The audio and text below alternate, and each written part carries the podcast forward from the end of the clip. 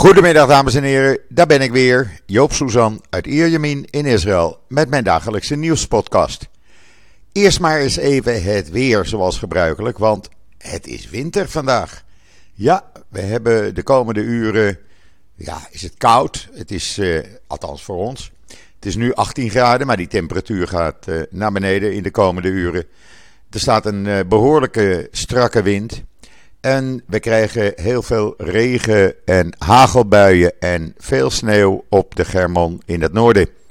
Ja, het is een winterse dag. Morgen wordt het alweer beter.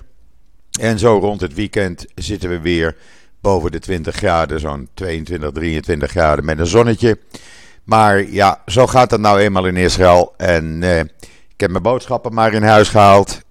En dan uh, hoef ik er straks alleen nog maar even met de hond uit. Maar die houdt niet van regen. Dus ben ik ook zo klaar, mee. En dan COVID-19 in Israël. Want ja, ergens gaat het goed, ergens gaat het niet goed. Want wat zien we op dit moment? Een daling van het aantal patiënten in de ziekenhuizen, maar een stijging van het aantal actieve viruspatiënten in het land.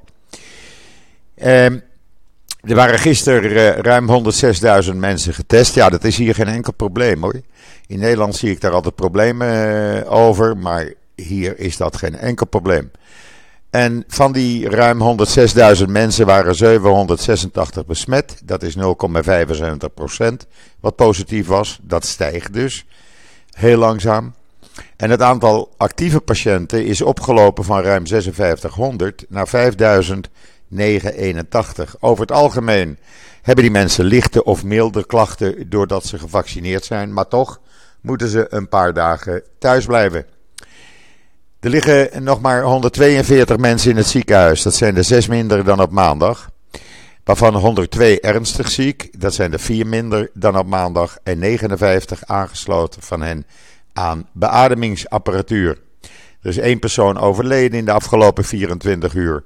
Zodat het aantal doden nu op 8210 staat. En dan uh, hebben de Israëlische gezondheidsexperts besloten te wachten met het vaccineren van kinderen die hersteld zijn van COVID-19. Uh, kinderen die uh, meer dan drie maanden geleden hersteld zijn, die kunnen eventueel wel een prik krijgen. Maar het hoeft niet zo dringend. daarnaast hebben ze gezegd: hou er maar rekening mee. Als het zo doorgaat, dan zullen we met een paar maanden beginnen met een vierde dosis aan iedereen te geven. En er wordt geen onderscheid in leeftijd gemaakt, zoals in Nederland. Hier word je dan geweld door het ziekenfonds en krijg je je vaccinatie. Hopelijk is die uh, Israëlische vaccin uh, klaar, want ik, uh, mijn voorkeur gaat daar naar uit. Dan hoef je maar één keer per jaar gevaccineerd te zijn. En ja, die zou ook werken tegen die Omicron-variant. Waar het Pfizer-vaccin maar gedeeltelijk tegen werkt, blijkt nu. Uh, en ja, hij schijnt niet op mRNA-basis te zijn, maar op eiwitten. We gaan het meemaken, we zullen dat zien. In ieder geval is gebleken uit testen dat het Pfizer-vaccin ja, veel minder werkt tegen die nieuwe Omicron-variant als dat men gehoopt had. En dat betekent dus dat mensen, ja, nu die Omicron begint ja, door te breken, laat ik het zo maar zeggen. Dat je dus daardoor waarschijnlijk een extra vaccinatie moet hebben, die daar weer tegen bestand is. Er zijn nu 21 Omicron-gevallen bekend in Israël. Ehm, maar men verwacht dat uh, er ja, nog enkele tientallen gevallen zijn. Dat wordt nu getest. Uh, bij uh, vanmorgen 8 uur stond de stand op 62% van alle Israëli's die twee keer gevaccineerd waren. En meer dan 44% van de Israëli's die ervoor in aanmerking komen, hebben drie vaccins ontvangen. En dan, uh, ja, men heeft alles op alles gezet om uh, een COVID-patiënt uh, die voor de tweede keer COVID had hier te redden, want die had dringend stamcellen nodig. En die heeft men uit het buitenland laten komen. En die zijn snel hier naartoe gebracht door United Hatzalah. En de man is gelukkig gered. En dan, ja, gisteren was het druk op alle scholen. De eerste schooldag na Hanukkah. En waarom was het dan drukker dan normaal? Nou, iedereen moest in de rij staan. Op alle scholen in het land. Uh, want uh, iedereen moest een antigenetest laten zien, alle scholieren. De ouders moesten dat doen. En die moesten dat ook kunnen aantonen. Ja, dat duurt dan even voordat iedereen dat heeft laten zien. En de meeste ouders hebben hun kinderen ook die test laten afnemen, gelukkig. Gelukkig werkt iedereen daaraan mee.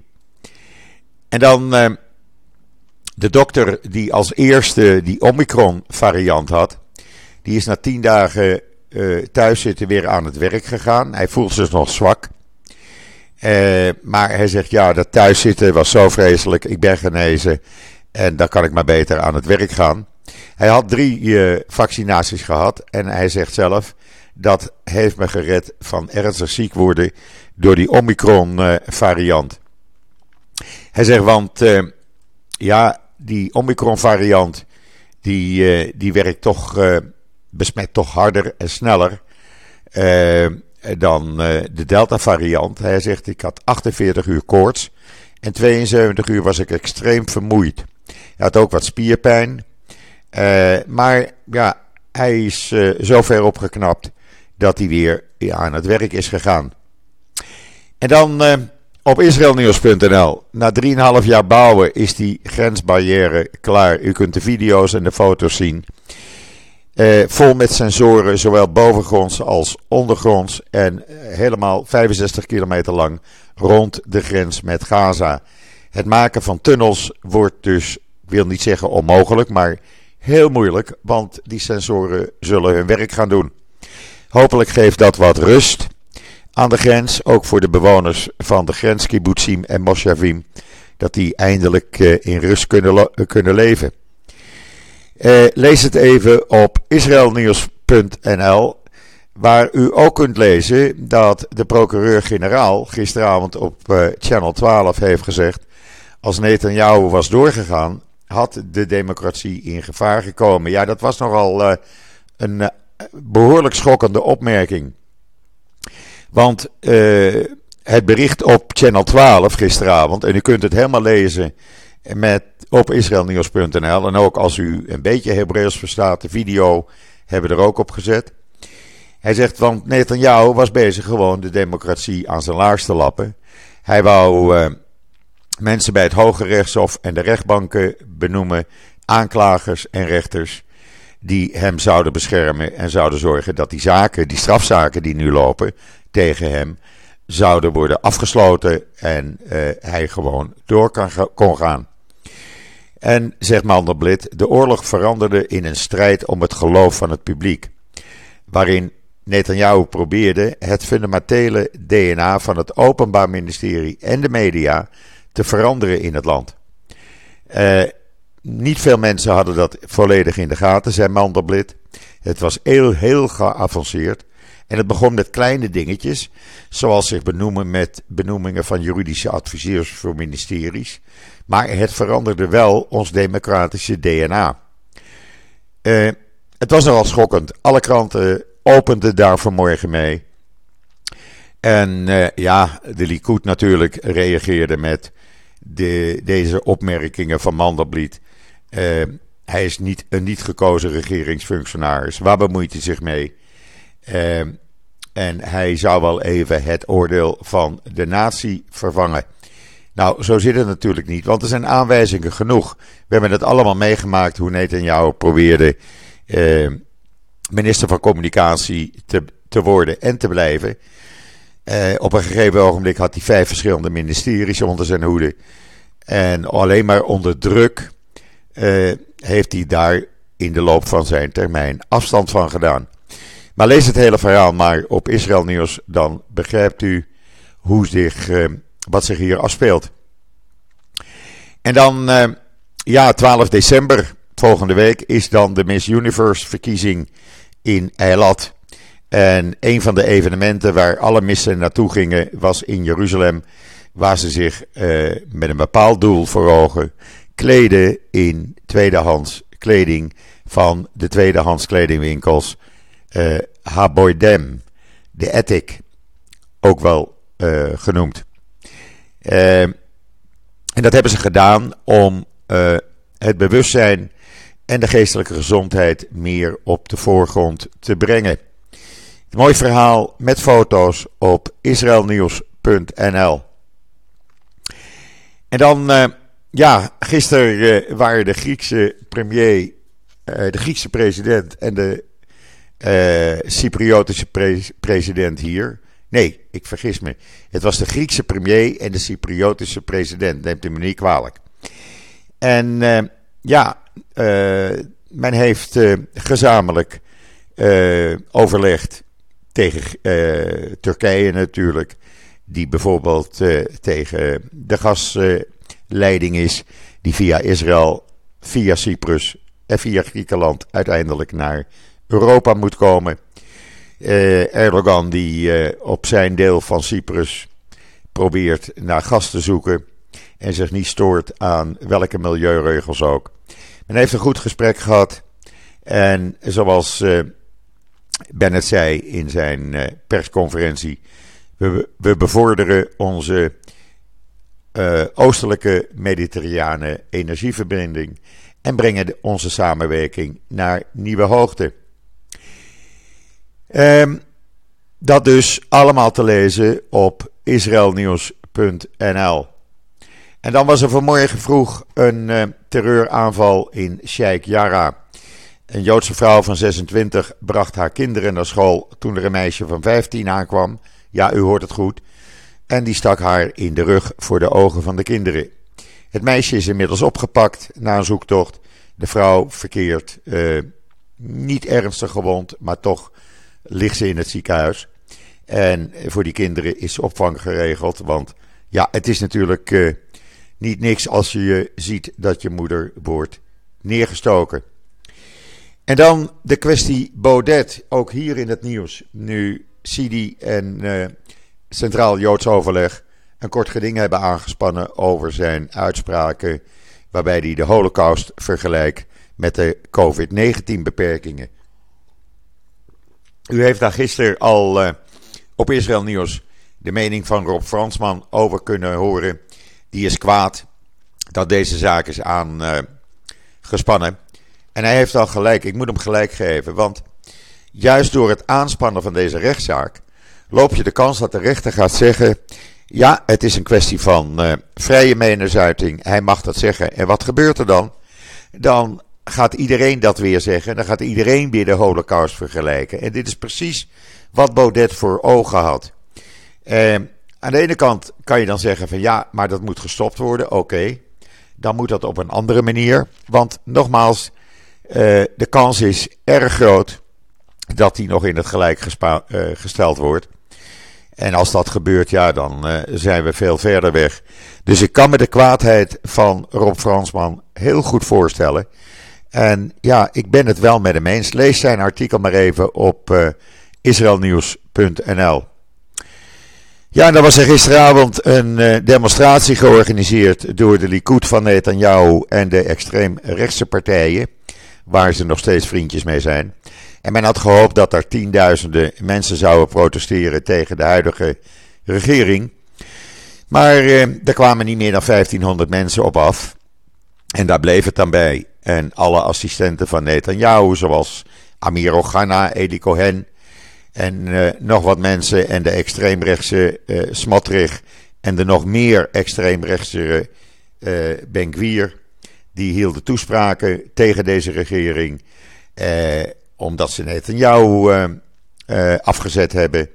En dat ze met eh, Arabieren samenwerken in de regering. Want daar help je de moslimbroederschap mee. Nou, op deze manier komen we natuurlijk geen steek verder.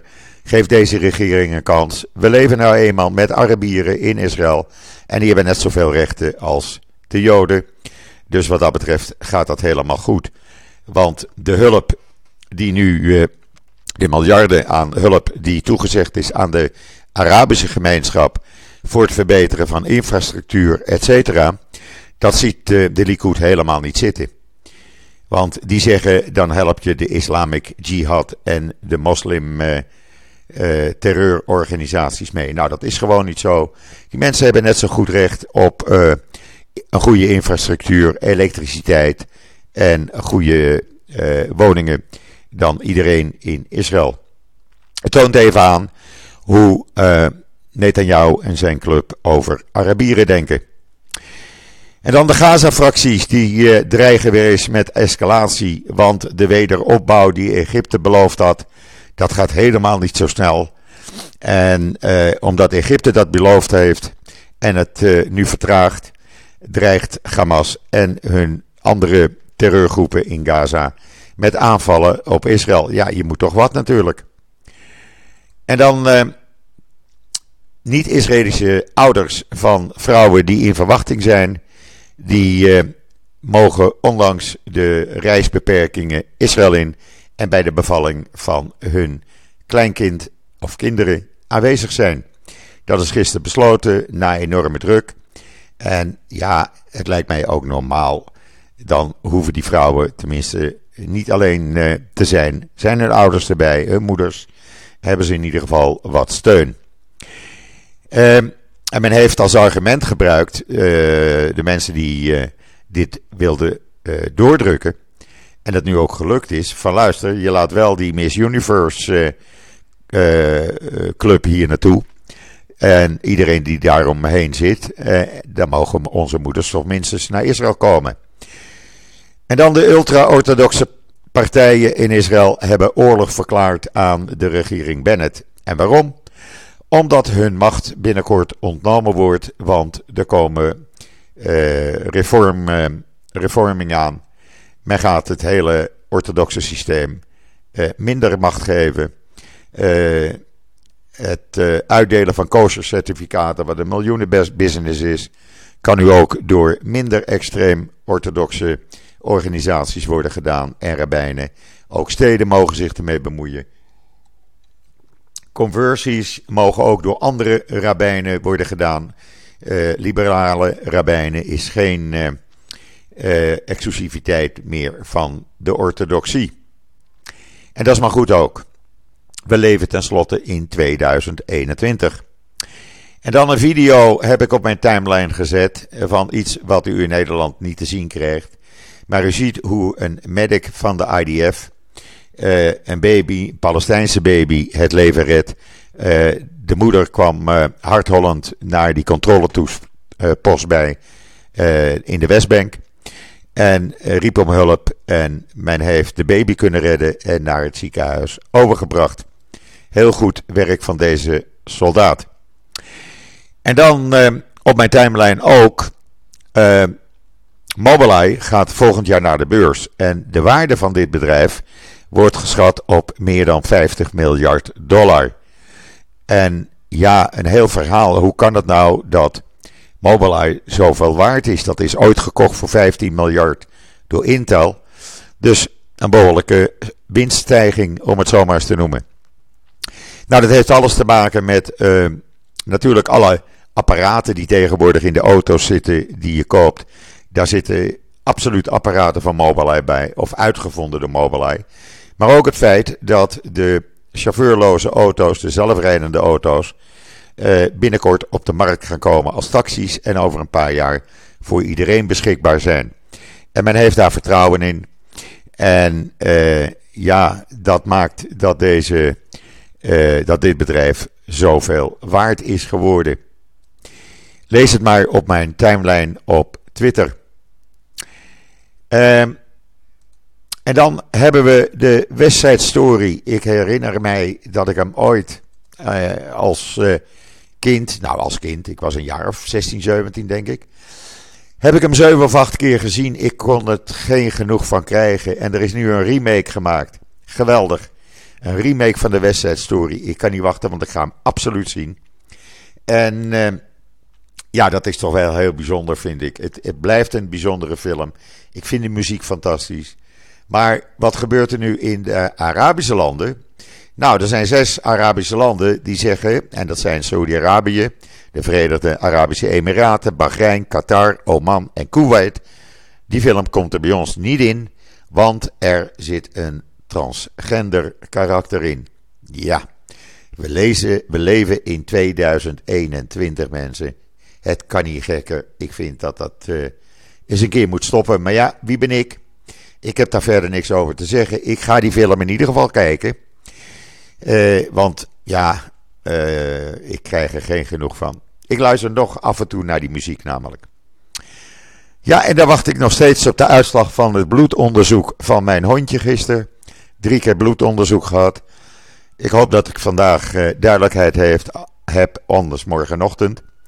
Want ja, eh, ik moet nu elke paar uur toch even met hem eruit en, om te plassen. En dat is met dit slechte weer wat er nu aankomt natuurlijk helemaal geen lolletje, want daar houdt hij helemaal niet van. Maar vanmorgen ja, had hij toch weer een huis gedaan. En Joop kon bij om opstaan meteen het huis schoonmaken. Maar goed, het is niet anders. Uh, hij kan er ook niks aan doen. En ik hoop dat die uh, uitslagen niet te ernstig zijn. En dat ik nog even een aantal jaren van hem kan genieten. Voor de rest is hij levendig en eet gewoon. Maar ja, het is alleen dat plassen. En dan ga ik me nu voorbereiden op het slechte weer. Langzamerhand uh, zie je de lucht ook veranderen.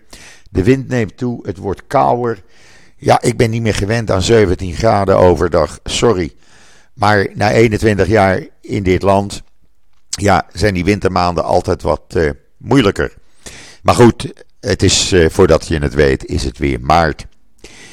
En uh, ja, dan hoort u morgen van mij hoe slecht het weer wel was, want dat zou duren tot in de nacht. Dat brengt mij tot het einde van deze podcast alweer. Rest mij u allemaal nog een hele fijne voortzetting van deze voor ons koude en voor u ook koude woensdagmiddag toe te wensen.